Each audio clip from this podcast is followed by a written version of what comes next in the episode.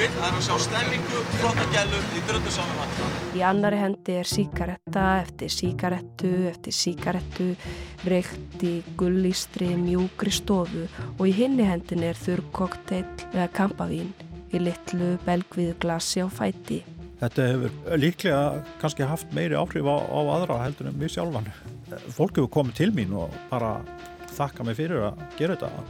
Strömp, varði fer á vertíð og erjur kapótís og svanana. Ég heiti Bjarni Daniel og þetta er lestinn 5. daginn 22. februar.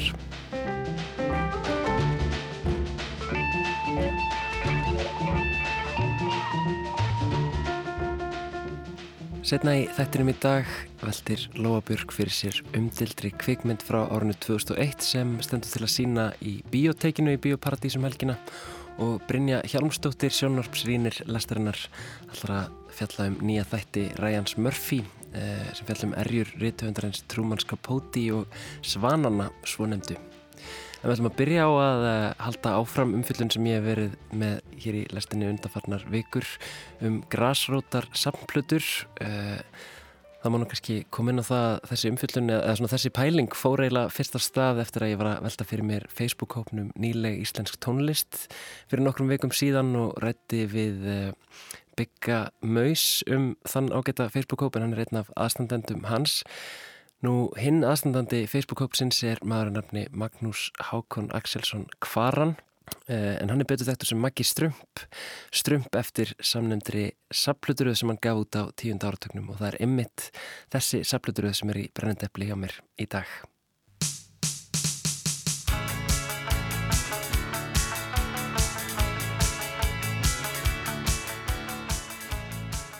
Skært lúðar hljóma, svo nefnist fjórða platan í sapluturuð Dr. Skunna Snarl sem kom út á árunum 1987 til 2014 og ég var ákveðið að nefna þessi einslög í höfuð á þessari spólu en það er titillin einstaklega lýsandi fyrir viðfangsefnum mitt þessar vikurnar íslenskar grásrótar saplutur.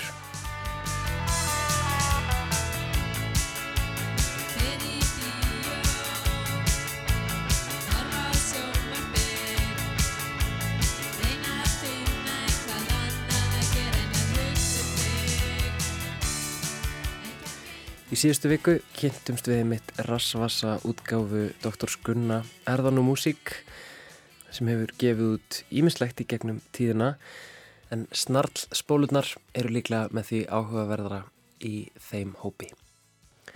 En í dag ætlum við að kynast annari rassvassa útgáfu ef svo mætti segja sem gaf líka út sapluturöð á tíunda áratögnum.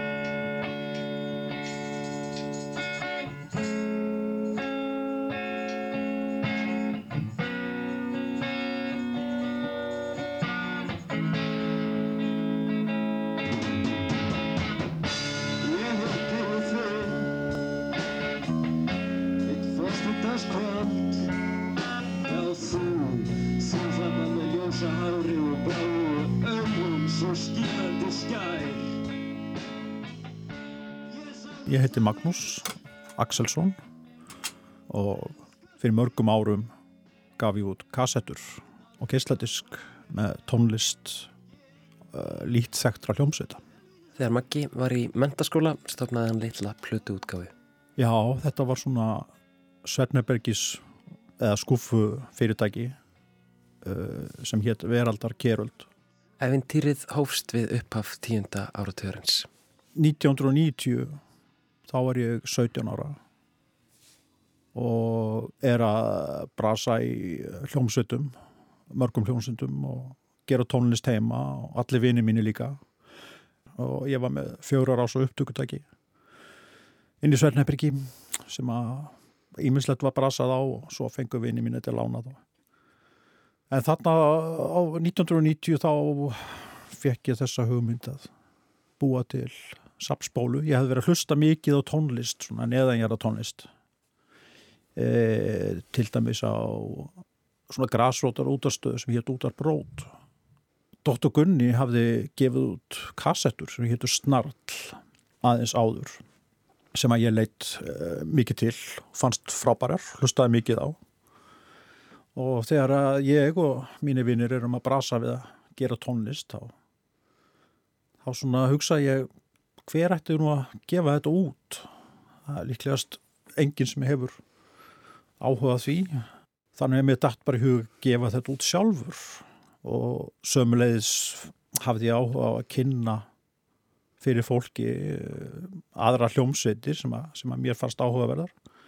Eh, þannig að á þessum árum 1990 til 1995 gaf ég út tvær kassettur, fyrsta hétt Strump og önnur hétt Strump 2. Svo gaf ég út eina sjötomu með hljómsveit sem að ég var í, sem hétt Tilbury og eh, geysladisk 1995 og það var það seinasta sem var þessu útgáfum. Strömpi í fótinn. Já, þetta var svona skot á mjög vinsæla saptiska sem að voru í gangi á þessum tíma. Eitt hétt uh, Reyfi tólið og annar hétt Reyfi fótinn og þá bara gerði ég strömp í fótinn til að skjóta smá á þetta á, á svona vinsalda pop sem að ég fyrirleitt alveg gjörsamlega á þessum árum. En þetta var svona vinsel danstónlist á sem reif þarna samtiskum Ég held að ég hafa ekki eins og hlusta á nei, nei. Þetta var svo umörlagt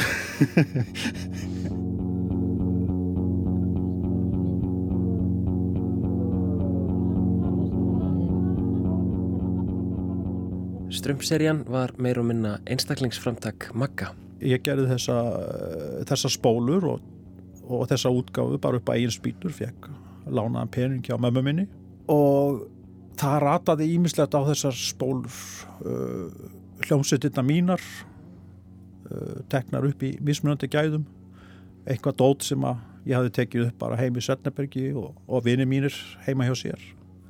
Og ímsar aðra hljómsveitir sem að ég kannast, kannast eitthvað við.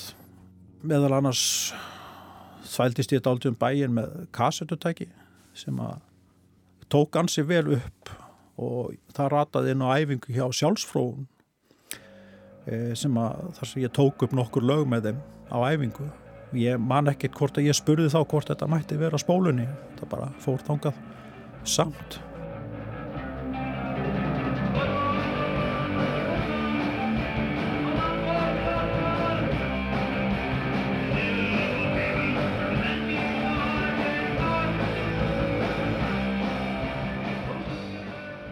93 kom út spóla nr. 2 aðeins betri og þéttari hljómsveitir og aðeins skári upptökur. Eh, 1995 gefið svo út geysladiskin strömp í fótinn. Og þá erum við farin að tala um alveg high value production sko eða þannig. En þar voru nokkrar áhugaverðar sveitir eins og hljómsveitir Mosaic sem að innihjælt eh, Benna Hemhem og Óluf Arnalds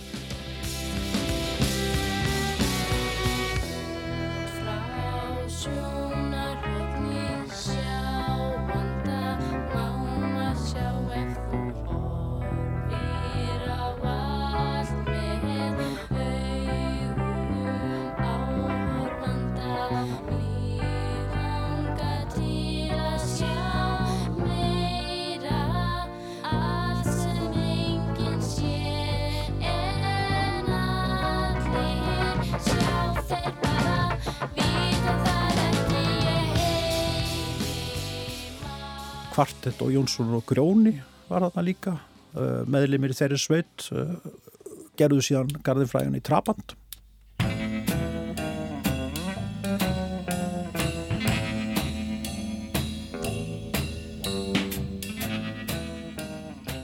Barði Bangang á laga á fyrstu spólunni 1990 Undir nafninu Op Yours Op Yours OPP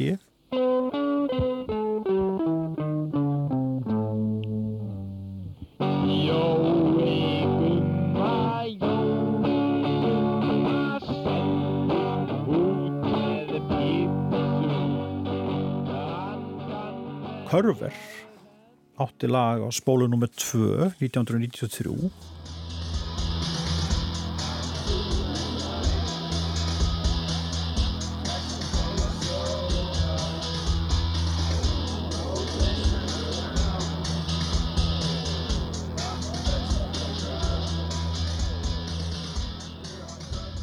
Þó svo að Maggi hafi að mörguleiti verið einirki í útgáfustar sem er veraldar, keraldar Það var greinilega margt fólk sem kom að strömp samspólunum með einum eða öðrum hætti og meðal annars fólk sem hefur setna meir náð nokkur langt á sviði tónlistarinnar.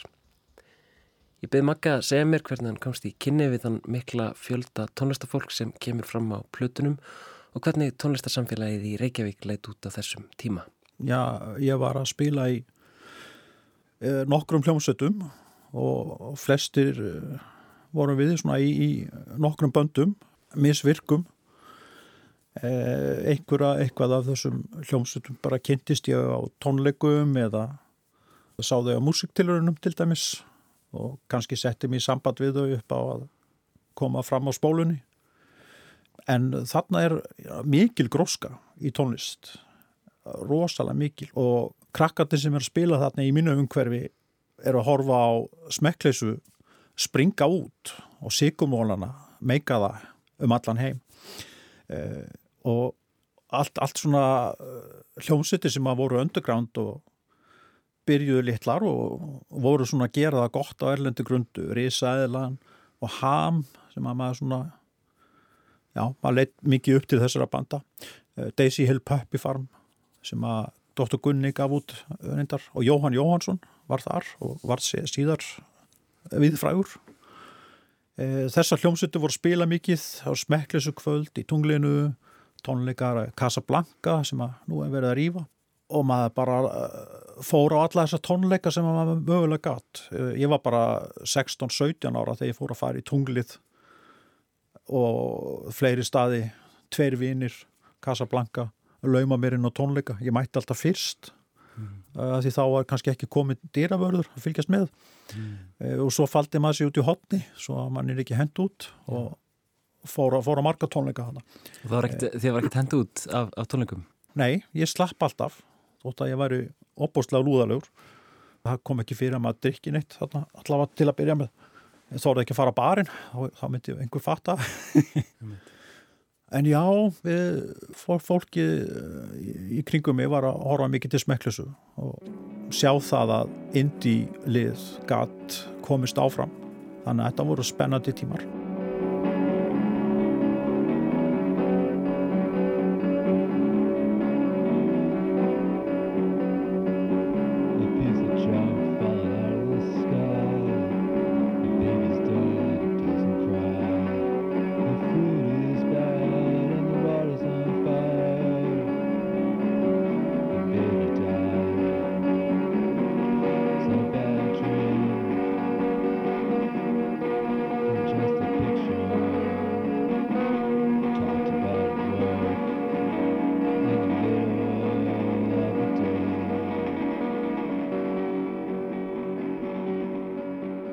Hlýtur að það verið mikilvægt að hafa þú veist eins og þú, þú ert búin að tala um hérna snartleðans gunna og, og, mm. og, og svo smekkleysu hópin hlýtur að það verið mikilvægt að hafa einhvern veginn fyrirmyndir í, í nærumkörunu Það má segja að gunni hafi verið ákveðin fyrirmynd. Já, já En ég menna þú veist bara að sjá að þetta er hægt veist, Já, já. Að það sé eitthvað dæmi til um já, einmitt, hérna er, þú veist það er eitthvað að gera þetta, það er eitthvað að gefa út hérna samflutu með veistu hvað ég menna Já, já, já, já, það var gaman að til dæmis að skoða þessar spólur frá Gunna. Mm -hmm. og ég myndi að já, sjá, sjá að þetta var hægt og já, okkur ætti ég ekki geta gert þetta líka? Svolítið þess að pöngið mm -hmm. bara, já, hann er, er einhver sem gerir, gerir bara hlutina það skiptir ekki málið, það þarf ekki að vera eitthvað batteri að baka við það. Ok, það fær kannski litla kynningu en þeir sem að það nær til, það skiptir þá gríðarlega málið Eitt, eitt sem ég langar að tala um sko, með, með samflötu formið, þar sem mér finnst kannski svo áhugavert Eh, einn, einn af mörgum hluti sem hefur mjög áhugaverðir við, við þetta format er sko hvað þetta eru mikil tímahylki þú veist, ef maður skoðar saplötu frá 1990, þú veist, eins og, eins og strömpið hérna, sem við erum með fyrir framann okkur mm. um, þannig er ósað mikið hljómsutum sem að kannski, þú veist, voru í rauninu sko varla hljómsutir, þú veist, spiluðu varla komið varla fram á tónleikum þú, eða þú hefur sagt mér frá því hljómsveitir sem voru kannski virkar bara í örskama stund eða, eða tóku kannski bara upp eitt eða tvö lög á ferlinum en fólk sem að fór síðan og gerði kannski eitthvað annað eða jafnvel hætti að gera tónlist og fór að gera eitthvað allt annað uh, og svo kannski aðrir sem að einmitt er að stíða sín fyrstu skrefi áttin að eitthvað mjög spennandi þú veist um, hvernig blasir þetta við þér þegar þú horfið tilbaka? ég hef aldrei hugsað um þetta einhvern veginn svona en já þetta er þarna ýmislegt sem hefði kannski ekki átt að fara á spóluna ekki, ekki alveg, maður myndi ekki þetta í það í hug í dag að gefa það út jafnvel svona ég held ég að bara vilja koma dótinu mínu einhvert út mm. og besta leginn til þess að fá einhver aðra með Tölum að þessum það, Emmitt, hvað, hvað, svona, hvað vakti fyrir uh, þegar þú ferð fer að stað með þessar pælingar? Já já, ég, ég er hérna 17 ára og það er aldrei skrítið að hugsa til þess að núna maður hafi verið að bralla eitthvað svona í Sefnaberginu sínu. Maður hafði einmitt hort til til dæmis gurna með snarlspólunar að, að þetta, það var hægt að gera svona maður gæti gert svona bara sjálfur í litlu upplægi fyrir lítinn pening. Ég hannaði þetta bara sjálfur teknaði myndina á coverið skrifaði lagalistan með rítvil og svo ljósið þetta og eitthvað að við gerði vinnunni hjá mér sem að alltilega viðkenna núna en fórum mikið með felur þá að ljósið þetta hundrað eindug einhverju, einhverju svona. En það er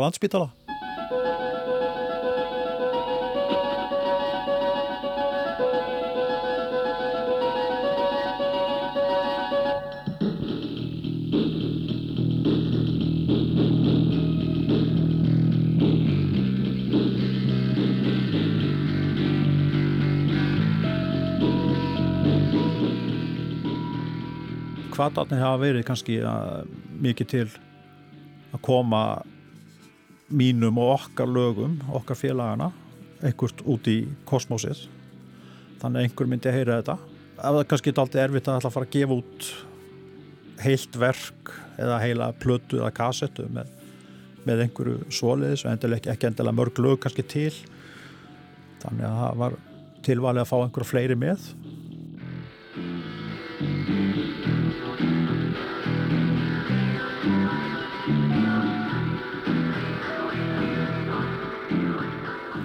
Þetta hefur líklega kannski haft meiri áhrif á, á aðra heldur en, heldur en mér sjálfan. Einhvern veginn er það þannig minningunni. Mm. En fólk hefur komið til mín og bara þakka mig fyrir að gera þetta og sagt að þetta sé stórkoslegt mestarverk. Það virka nú ekki alveg þannig þá. Eh, man var bara 17 ára, ég vissi ekkert hvað ég var að gera. Þetta var bara bara hobby. Mm.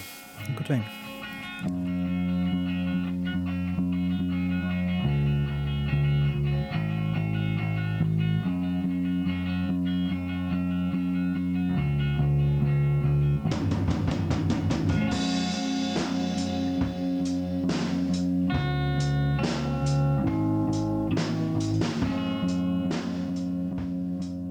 Það er náttúrulega allt önnur staða í dag heldur en var þá. Allir geta gefið út tónlist þótt að sé bara á netinu bandkamp eða Spotify. E, og allir gera það. Og rosalega margir eru einmitt að gefa út sjálfur eða sapna fyrir plötuútgáð eða eitthvað svoleiðis. Gjörbreytt staða og alveg bara frábær staða. Það er svo margt að koma upp á yfirborði og tengt þessari, þessari útgáfu sem að ég byrjaði á þarna þá hefur alltaf svona blundað í mér einhver þörf fyrir að kynna tónlist koma tónlist á framfæri. Og ég gerði það þarna með spólunum.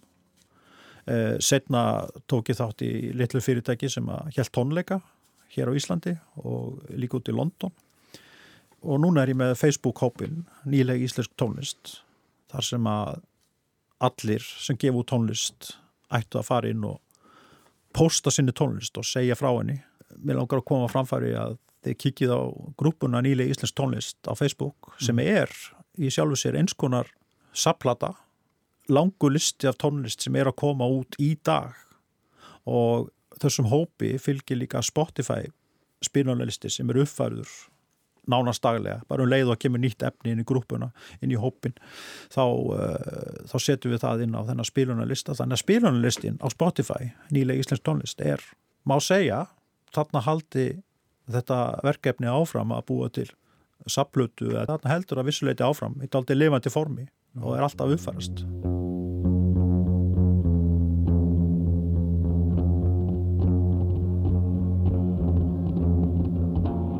Hvað er það sem að gerir samflutu formið svona stert, heldur þú? Þetta er eins konar tímahylki sem að svona snapshot af því sem er að gerast á, á þessum tíma ekki endilega öll senan en, en svona einhver partur. Og það er bara svo spennandi að heyra marga mismunandi hluti sem er í gangi.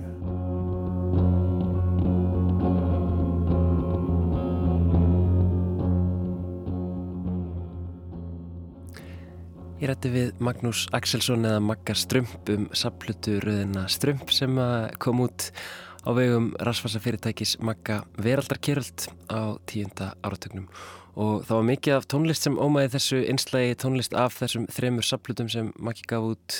Um, ef þið hafið áhuga á að kíkja það þá get ég kannski bent ykkur á að, að lagalistin er aðkengilegur í þáttalýsingu þáttarins á rúf.is og á spilarunum góða.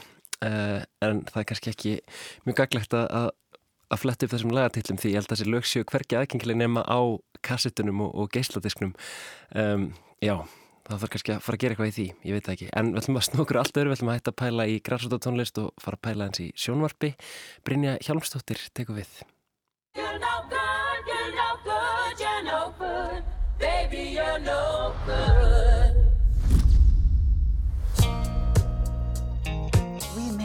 The capital of the world, the center of everything. Sex, money, and endless adventure. Hello, ladies. Mind if I sit down? Oh, I wish you could, but we're being joined in just a second. We see the importance of presentation. Underneath, though, it's an act. Truman. Tell me everything. Here's the fact even your sister will steal your man. I don't know what matters more to him the sex or you knowing about it. Wait, go back. We're talking the governor's wildebeest wife, that fat ankled Harrigan. Yes! Í byrjun árs hóf önnur þáttaröð Feud eða Erja göngu sína á sjónvarstöðunni FX. Þáttaræðir innan seríunar eru sjálfstæðar á sama hátt og True Detective til dæmis. Serían í heilsinni hverfist í kringum eitthvað þema en hver þáttaröður takmarkuði eina atburðarás. Fyrsta serían fjallaði um Joan Crawford og Betty Davis, mátarstólpa í klassísku Hollywood sem elduðu grátt silfur sem bara gránaði og gránaði með tilherjandi dramatík. Hugmyndina baki erjum er að segja sögur úr bandariskri 20. aldar elitu byggðar á sönnum atbyrðum. Í þessu er svo nokkuð sterk hins einn slagsiða líkt og í mörgu eftir höfund þáttana Ryan Murphy sem hefur skrifað serjur á borðið Glee og Pose. Önnur þáttarið erja hverfistum riðtöndin og glömgósan Truman Capote og hvernig líf hans og vinkvennans fór á annan endan þegar hann fór að skrifa lít, duldar frásagnir, innblásnar af lífið þeirra og bera smánaleg leindamál þeirra á torg. Sagan gerist í lok sjönda áratugar og byrjun þess áttunda.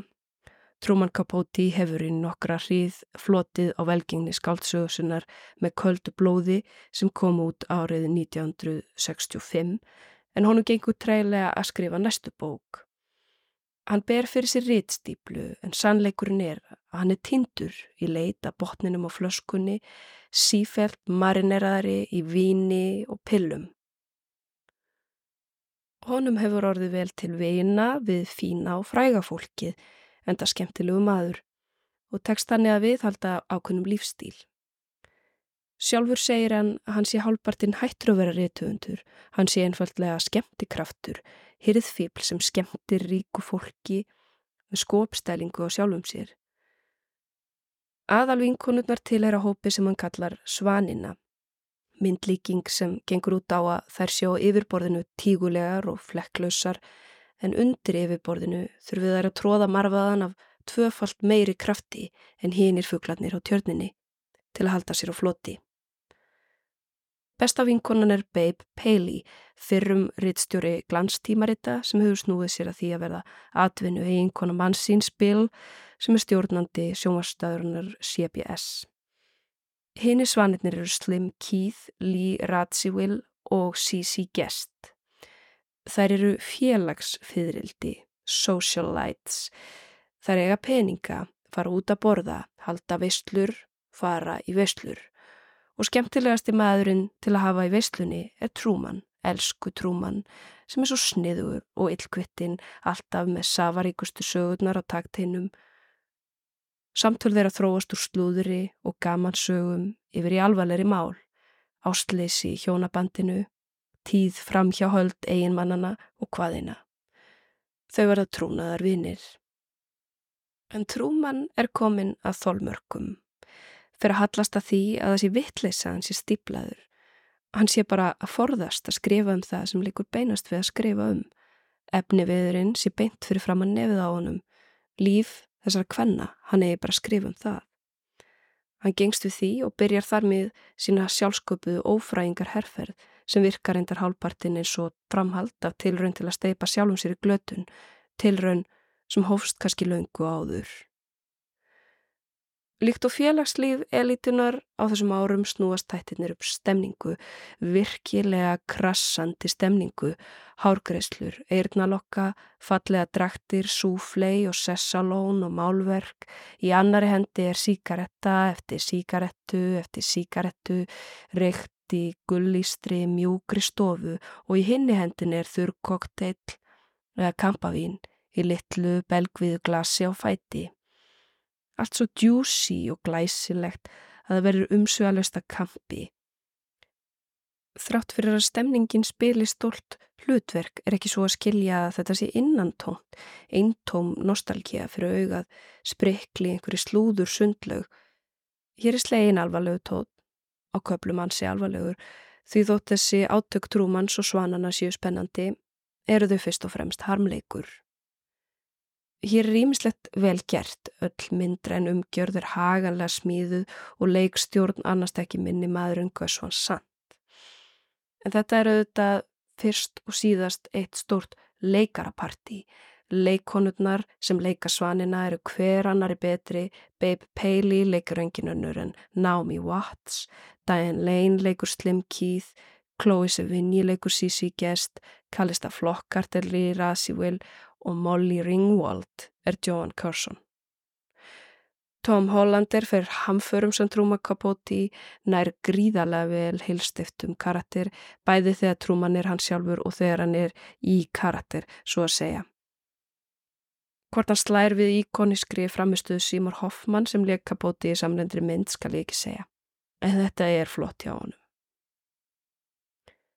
Markmið þáttana er að miklu leiti að leggja í rannsókn og stereotypunum um glæsikvendin og hommavinin, skrifa nýja kabla í bók sem fram að þessu hefur verið nokkuð einsleit. Í vinsaldamenningu er hommavinurinn tíðu gestur í sögum um konur. Gjarnan verður persóna hans að frásagnarlegu tóli til að lifta gagginniðu konunni sem sagan fjallarum. Hann er eins og sálfræðingurinn sem hvetur persónuna til að opna sig, nær að draga fram í henni eitthvað sem hún vissi ekki um sjálfa sig. Ég erjum er reynda að sjá báða hliðar á peningnum, kafa dýbra sem að einhver leiti text þó kannski ekki öllu. Í þriðja þættinum sem er settur upp eins og heimildament er Babe spurð hvort að það sé einhver náttúruleg samleið millir glæsirilegra kvenna og samkynneira manna og hún svaraði að þetta sé varnar viðbræð, þetta sé einhvers konar triks, þau verndi hvort annað.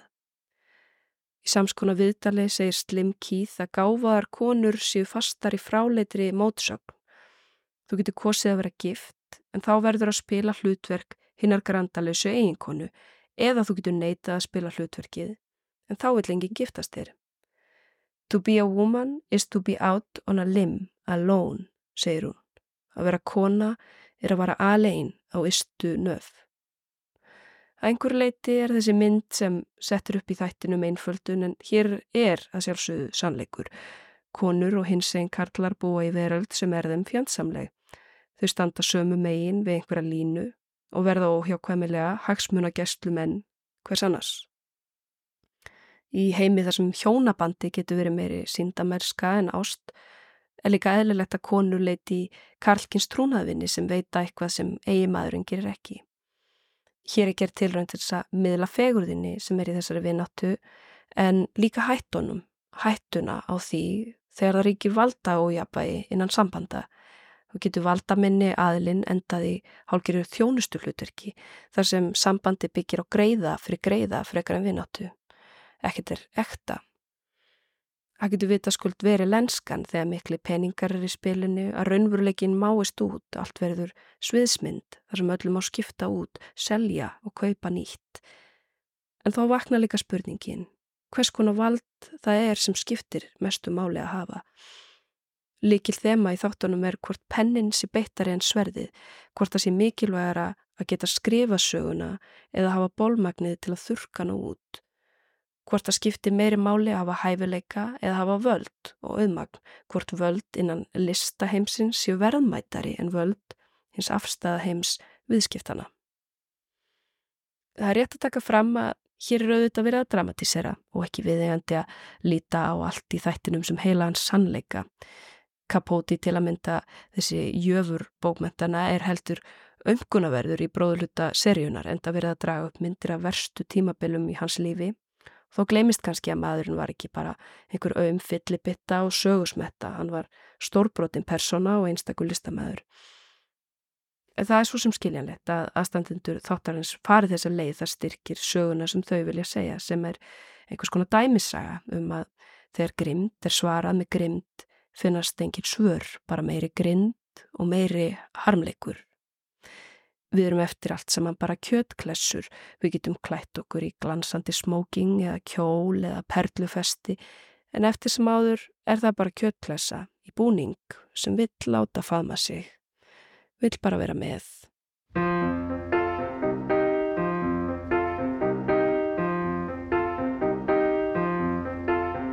Kiss and tell her goodbye, pack a bag and come away with me Kiss and tell her you're sorry. Kiss and tell her you're feeling sad. It's better to kiss and tell her now than when she'll take it much too bad. Kiss and tell. Kiss and tell her all. Kiss and tell It's a hazard of youth. Kiss and tell. Kiss and tell her you love me. Kiss and tell her goodbye. Pack a bag and come away with me. Kiss and tell her it's over. Kiss and hope that she comprehends. It's better to tell her you're my man than let her hear it from her friends. Bandariska söngaskjaldi Margo Gurjan var uh, virkust á sjönda áratugnum en þetta lag sem við heyrum hér, Kiss and Tell, var nýlega endurútgefið af uh, útgáðinni Numero Group. En þar aður fjallaði Brynja Hjálmstóttir, sjónvarpsgagrinandi lestarinnar um þættina Feud, Capote vs. The Swans sem eru aðgengilegir um þessar myndir á sjónvarpi Símans. En næst ætlum við að kíkja í bíó, Lóa Björk Björnstóttir tekur við.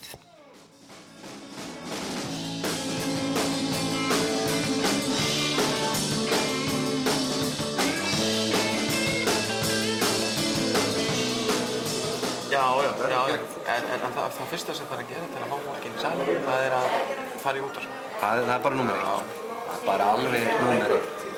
Finn ykkur slaga. Ég sá fólk brosa þarna. Hvernig er það brosa í samfélag? Ég, veitum fyrir þig. Já, hingað í lestina er komin góðu gerstur, það er hann Arnar Eggert Tóruðsen. Ég er félagsfræðingur af ment, ég starfa í Háskóla Íslands þar sem ég hef umsjón með fjölmjölafræði námi á grunnstígi og auk þess er ég uh, tónlistakakrinandi og Arnar Eggert hefur líka fengist við að taka viðtöl við hljómsveitir. Ójá, og, og geri enn.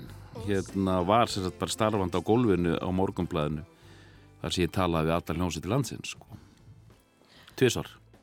Við Arnar Egert mæltum okkur mót til þess að ræða heimildamindina Varði fyrir á vertíð frá árinu 2001.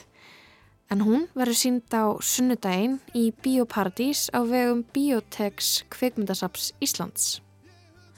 En þessi mynd sem fjallar um atvinnuleysa gítarleikaran Varða og samstarf hans við keppvísku sveitaballa hljómsveitina Tópas hefur ekki verið sínd síðan 2001. Ég rakst á viðtal við leikstjóra myndarinnar Grím Hákonarsson úr helgarblæði Djevaf frá 18. mæi 2002 sem gæti gefið einhverja vísbendingu um hvers vegna. Í greininni stendur Undanfarnar vikur hefur verið mikið rætt um starfsemi svo kallara undercover kvikmyndagjara manna og deilt hart um það hvort leifilegt sé að nota í heimildamindir myndskeið sem tekin eru af fólki án þess að því sé ljóst hvort nota eigi það í kvikmynd.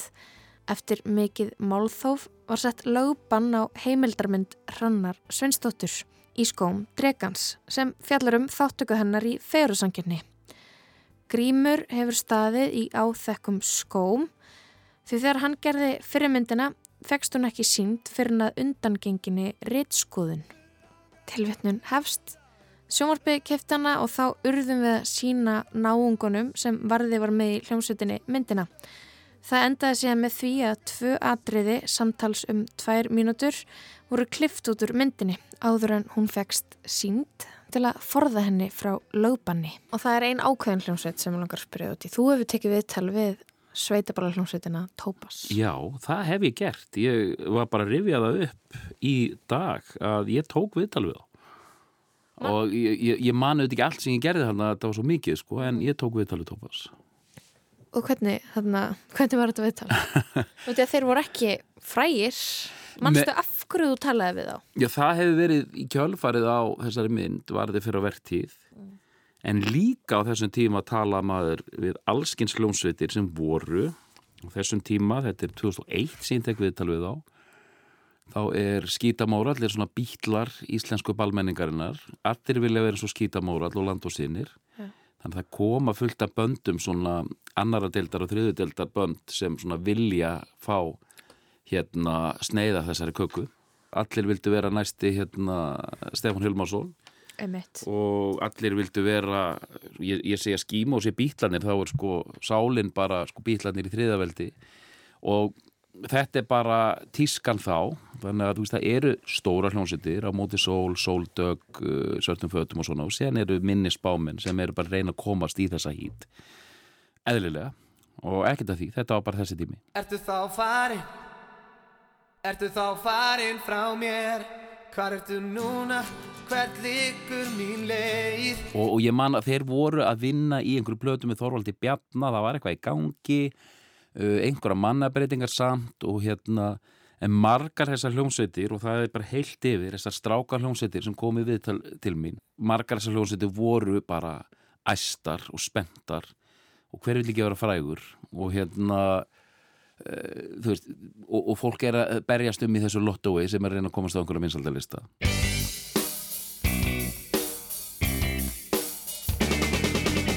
Nú var ég ekki byrjuð að mæta tónleika að böl á þessum tíma í kringum 2000. Já. Hver var staðan á sveitaballa menningu þarna? Erum við miðjunu, erum við á toppnum, mm. er þetta byrjað að fara niður? Hva, hver er staðan? Staðan var bara ansið góð þarna í kringum 2000. Mm. Það hafi verið mikið í kringum sko nýtönsk, tótmobil og sálinna upp úr 90. Síðan er skítamála þarna 95, 6, 7 en síðan springur dálitið út þetta íslensk, al-íslenska pop uh, land og sinir á móti sól er í kringum 2000, 2001, 2002 Írafár það hefur verið haldni tónleikar núna í uh, hörpunni, í aldamóta aldamóta tónleikar eða áleika mm -hmm. sem er þessi geiri þannig að þessar hljómsveiti voru mjög vinsalar þetta var bara í tísku Selfos og Nakapoppið var í tísku á þessum tíma Já. þannig að sveitabölun voru kert bara af, af, af mikilli mikilli list En samt segir Dr. Gunni mm. í sögu Roxins mm. Að þessi mynd varði fyrir að verðtíð mm. hafi markað endalog sveitaballa menningarinnar. Er Ertu sammála? Mm, ég... Kannski er þetta að segja til það núna 20 þetta er- árum setna Já, þetta er flott setning, ég myndi kannski ekki ganga alveg svo langt, þetta var svona 2001, 2003 kannski, þar sem þetta var í hæstu hæðum hérna, mm, þessar hljómsveitir og, og þessi böll og svona. Og síðan breytist það, en hérna og það er auðvitað önnur og, lengri umræða þú veist, það var, veist, vinsaldapopp gegn listræn, listrænu poppi. Þessir tveir heimar hérna, afþreying hérna afþreying gegn list hérna, landsbyðin gegn borginni og svo framvegis, hipsterar á móti hnökkum. All, allt mjög skýra línur og mjög skýrar þegar maður er yngri. Núna er maður auðvitað nákvæmlega sama. Maður, maður er bara sáttur við allt að því er hann gamall og meir. Það er það finnst nefnilega svo, hérna, finnst svo áhugavert uh, sveitaböllin um, var bara fólk í sveitin að fara á þessu böll? Var fólk ekkert að fara frá Reykjavík til þess að fara í, á böll út á landi? Út því að manni, þú veist að tala um þetta svona eins og bara sveitaböll það var aðal var það bara aðal fyrir fólk, var það bara aðal fyrir landsbyðina eða? Já, aðalega sko fólk er Reykjavík sóttu auðvitað þessi böll og þá bara sérstaklega þessi böll sem voru nálægt Reykjavík sko, en síðan er bara hljómsnirnar bara eins og gerist erlendis, er bara túra landið og þú veist það er sveitaball einhver staðar á vestfjörðum sko þá þetta kemur bara fólkið af hérna, af þeir svæði. En ég meina þetta er bara þessi þörf okkar fyrir afþreyingu feraldri, þannig að þú veist hljómsveit í bænum, bara wey, þetta miða stuð og þetta voru risa sveitir, sálinn og síðanskinn sól þarna á sínum tíma og síðan bara, það þarf bara að fylla inn í eina bransa og, og hérna og bara þetta líka á þessum tíma að koma út þessar hérna pottéttplötur og sumar smellaplötur, þú þetta verður með lag og hérna sko, svo ég tala um þessa mynd varðið fyrir á verti þá er mjög skemmtileg sena þar sem hljómsveitin er að semja lag bara í rútunni sko og lagið er bara nákvæmlega eins og þessi lög voru og eru ég elska þig, elska þú mig förum til þín, förum til mín. Kerðu mig heim ég er fullur og eitthvað svona sko. Meistari hérna, Einar Bárðarsson hérna samtuð þetta nokkur fyrir, fyrir skímó. Og hérna já, og ég, ég dæmdi mjög mikið af þessum plötum og hérna hef alveg ágættis yfir sín yfir hvernig þetta var. Og þetta er bara þetta sko, þetta er bara svona oft bara mjög vel gert pop. Það er liðin smá tíð og ég faldi um leið eins og þessi mynd síni fram á sem ég finn svo frábært. Mér finnst myndin sína bara svolítið vel fram á þessa tvo heima. Þessi reyna afþreying og bara stuð Já. og síðan sko varði sem er þetta dálítið langt frá þessu með sítt hippahár og er bara búa til einhver svona tilrunamúsikin í herberginu hjá sig Já, nákvæmlega. Að- Tilruna músikinni í helbygginu sínu atvinnulegs og hann er Já. bara, hún gæti ekki verið meira.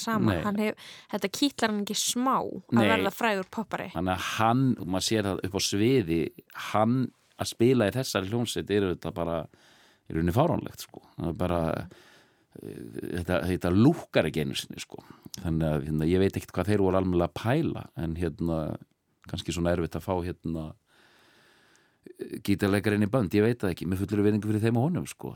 En hérna, einhvern meginn fór þetta af stað og minna, hann getur alveg spilað greinilega, maður sér það alveg og tekur bara túr með bandinu. En sálinni kannski spila sig og ég er að pæli bara við sem að stela fjöldanum af sálinni eða landasónum ef við erum að spila í á þess að þeir veitir hérna hvað er að gera.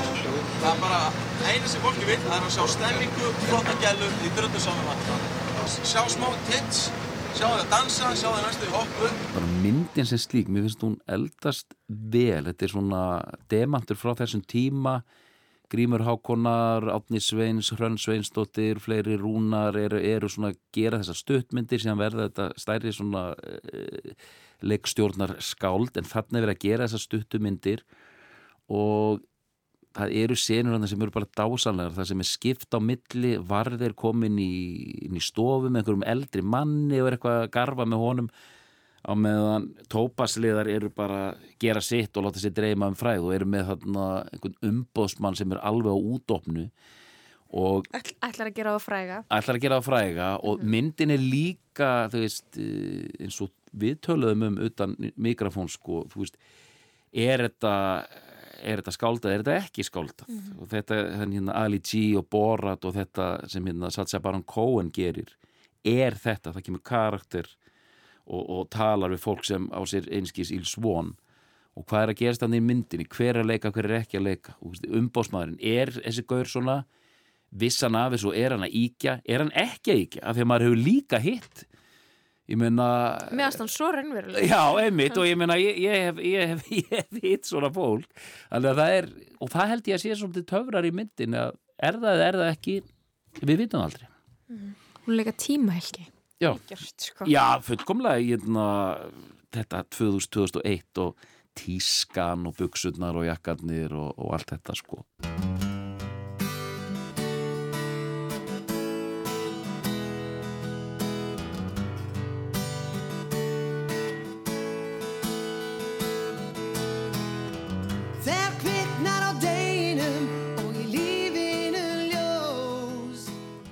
svona veltið fyrir mér uh, kannski stóra spurningin við þessa mynd sko, hún hef, var sínt þarna um aldamotinn og svo hefur hún bara ekki Mhm. verið sínt aftur síðan og það hefur ekki verið hægt að fá hana og þess vegna hefur hún öðlast svolítið kvöld status Mhm. uh, það var einhverjir sem áttan á Vaffa S sem að tók hann upp þegar hún var sínt á Rúf Já, ok um, annars bara einhvern veginn hefur ekki verið hægt að horfa á hana mm. en það verður hægt núna á sunnudaginn í Bíóparadís en mér spurningin kannski líka verið einhvern veginn er að gera svona mynd þar sem að sumir vita að það er verið að Mhm. taka upp fólk vita að kannski verið að taka upp en gera sér ekki alveg grein fyrir hvað hvað verður gert úr þessu þetta er sama og með í skóm dregans Já, eftir hérna, Hrönn og Átna mhm. að þarna, það er eitthvað, já, er eitthvað með er eitthvað með upptökuvél, spennandi Já, í dag mætur ekkert inn í rými með upptökuvél að þess að fólk spyrji bara alvarlega spurninga Einmitt. er hægt að gera svona mynd í dag? Þetta er, mjög, þetta er mjög góð spurning og, og, og hvernig í raun er auðveldar að laumast inn til þess bara með síma og hérna svona ná einhverja mynd þannig? Um, en mér finnst merkir þetta einmitt í skomdregans og líka þessi varðið fyrir að vertið hérna var spurt leifis, akkur spurði fólki ekki neitt hvernig var þetta gert og þú veist, er verið að koma aftan af fólki eða er ekki verið að koma aftan af fólki þetta er allt svona spurningar og, og þú veist bara eins og í bítlamyndinni hérna Get Back, hérna átta, átta tímar af efni Já. þar sem stundum vitaðar að þeir mynd stundum ekki og síðan er eiginlega eitt stærst atriði, það er svona mikilvægast atriði í allir myndinni er upptaka þar sem Paul og John er að tala saman inn í eldúsi og leikstjórin faldi upptökutæki í einhverjum blómapotti uh, og þú veist þetta þætti nú alvarlegt en ég minna þetta fekk þó samþykki allra þú veist þó að þeir séu látnir þarna þá eru Jóko og hún hérna Olivia Harrison taka ákvarðanleir og þetta er bara satt já, setjum þetta inn sko. Þannig að það þarf að taka einhvern veginn ákvarðanir líka um, þú veist, er rétt á þessu, er rétt á þessu núna, er þetta í lægi núna, var þetta kannski ekki í lægi einhvern tíman Mhm. svo framvís og ég, eins og heyrir ég, ég treysti mér ekki til að svona hveða úr um þetta lögformlega sko, en þetta eru góða spurningar. Þú veist mm, það var eitthvað breyst þannig að myndi eitthvað, fólk myndi ekki voga sér kannski að, að gera eitthvað svona í dag? Nei og ég meina eins og þessi mynd varði fyrir að vertið og hérna hljómsettin auðvelt skotmark fyrir okkur hipsterana. Ha ha ha ha, þetta er nú meiri vittlisingarnir og guð, mikið er þetta nú fróðukent og innantómt la la la. Og svona hugsaði maður kannski á þeim tíma og fyrr í dag hérna og sérstaklega menning í dag er orðið miklu þú veist, það þykir ekkert óeðlilegt við að sko fara á pömptónleika í hátteginu og, og, og viking heiðar setnum kvöldið sko. Þannig að þegar ég horfði á þetta núna ég sé varðið með sína tilhörnatólist tópas bara að gera sitt sem er einhvern veginn líka fullkomlega eðlilegt. Mhm. þannig að ég svona er allavega að minnst okkur vaksin upp úr því að vera, vera hlæja þessu sko. Mhm. en þetta er líka bara, mér finnst þetta krútlegt. Hérna, ég myndi eiginlega vilja nota orðið krútlegt. Að þú veist, í- hvernig var að gera þetta? Ó, ó, shit, það mætti engin hérna, við verðum að gera þetta. Hún er aðeins að vísa í raunin með allt á hreinu eh, myndin líka sko. Já, einmitt. fara að stað, fyrsta giggið, engin mættur la la la, þetta allt sko. Mhm. en þú veist, tópas voru ekkert mishefnaðri en hver önnur hljómsveit sem var bara harka. Þetta er bara, í rauninni bara mynd um hark. Ekki lengur letur líf ég ætla, ætla,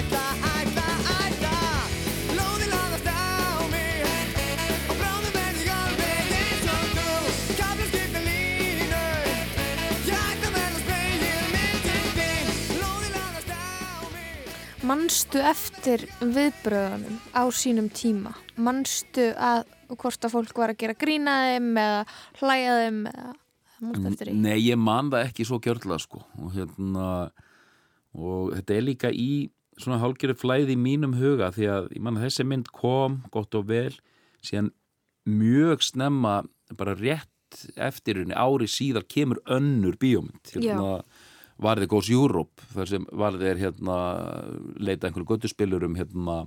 Var þið fara að böska í Evrópu? Já, og, bara, jú, og, og, svona, og þá bara, og hún er svona eðlilegri svona fluga á veggmynd, bara fylgjast með honum og svona heimildamind með þræði. Og þetta var bara dálítið í tísku á þessum tíma sko, þannig að hérna nei, ég man ekkit eftir miklu hérna uppþóttum út af þessari mynd sko, plúsa þetta er þetta 2001 eh, fyrir tíma Facebook og svona sko, það er ekkit rými til að vera rífast almenlega sko.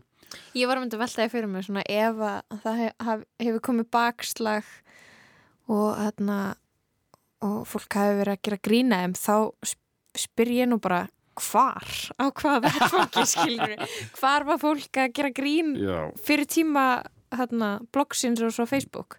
Og ekki eiru hljómsættirannar af því að hérna, þetta, eru, þetta eru alveg tveir ólíkir heimar. Þá vil ég vera hjá þér. Ég vil bæði lifa og vona. Ég vil brenna upp af ást. Ég vil lifa með þér svona. Ég vil gleðjast eða þjást. Voru þetta eitthvað svona heit menningarátök landsbyðin á móti borginni Nei og, og ég er ekki að segja til að draga úr eða neitt þannig ég held bara átökmilli borgar og, og landsbyðar nákvæmlega eins og hefur alltaf verið sko. borgar búar þykjast vera merkilegri og hérna líta niður á þetta dreifara pakk og eh, hérna landsbyðafólkið svona gerir kannski það sama sko. þessir latmæltu hérna borgarbúar sem kunni ekki að tala og allt það og hér er, það er allt miklu betra á akkur og allt þetta sko, þetta eru bara þessar eðlilegu stimpingar sko um, en þú veist, jú mikið gert grín sérstaklega þessu self-force-poppi Já. sko, tópa sér þetta frá Keflavík sko hvað, myndir, hvað flokkast sem self-force-pop? Selfoss-pop var sagt, í rauninni skítamórall uh, á móti sól, land og sinir hljónsveitir sem komu allar af Suðurlandi sko. Selfoss og hérna og þú veist þarna Kolsvöllur og Hella og allt þetta sko. Ok. og þar Þetta var er vakka sveitaballana þetta er vakka sveitar, þetta er vakka líka þessa pops sem var rosalega mikið svona innan gæðslappa svona fróðu pop og hérna auðvelt fyrir hérna einhverja hérna hipstera er ekki eitthvað að líta niður á það sko. Og mikið, mikið, mikið hleið að þessu og svona, og svona en síðan voru þarna tónlistamenni svo hreimur og, og, og þú veist strákanir skítamálar þú veist, þetta eru proppir hljóðfæraleikarar og hérna og einhvern veginn allt gott og það var aldrei bara alltaf kannski til að fá einhvers konar virðingu frá þeim og það var ekkert hægt að slá þetta út heldur bara sem eitthvað drasl sko. En þetta var hvað sem er, auð, þetta voru auðveld skotmörk á þessum tíma. Og ég er að reyna bara að rifja upp hversu mikið þátt ég tók í þessu, jú vissulega en minna ég er maður sem skrifaði æfisugu Einar Spárðarssonar og hérna eins og hann sagði við mig ef ég fæ þið til að skrifa Arnar, þá er ég búin að dekka vinstri kantin mjög sniðut Það er þetta kannski hægur og vinstri líka? Líka þannig séð íhaldsemi gagvart, þú veist hérna, hvað ég var að segja treflar á móti treflar á móti nökkum, alls konar svona þú veist, fólk sem vil hlusta á tónlist sem er hérna spiluð á hérna, hérna harðsóðunar núðlur gegn fólki sem vil bara taka út kassagítarinn og öskra karma pólís í einhver partíum sko. Takk Arnar Ekkert fyrir að koma og, og spila við mig um varða Heyrðu, minnsta mál, anytime Lóa Björk talaði við Arnar Eggert Tórótsen um kvikmyndina Varði fyrir á vertíð frá 2001 umdilt kvikmynd sem verður í uh, síningu í Bíóparadís á sunnudaginn á vegum Bíótexins. Og það er uh, á þessum slóðum sem lestin nefnur staðar í dag og þessa vikuna. Ég heiti Bjarni Daniel og þakka samfélgina. Teknumar í dag var Lítja Gretastóttir. Verið sæl.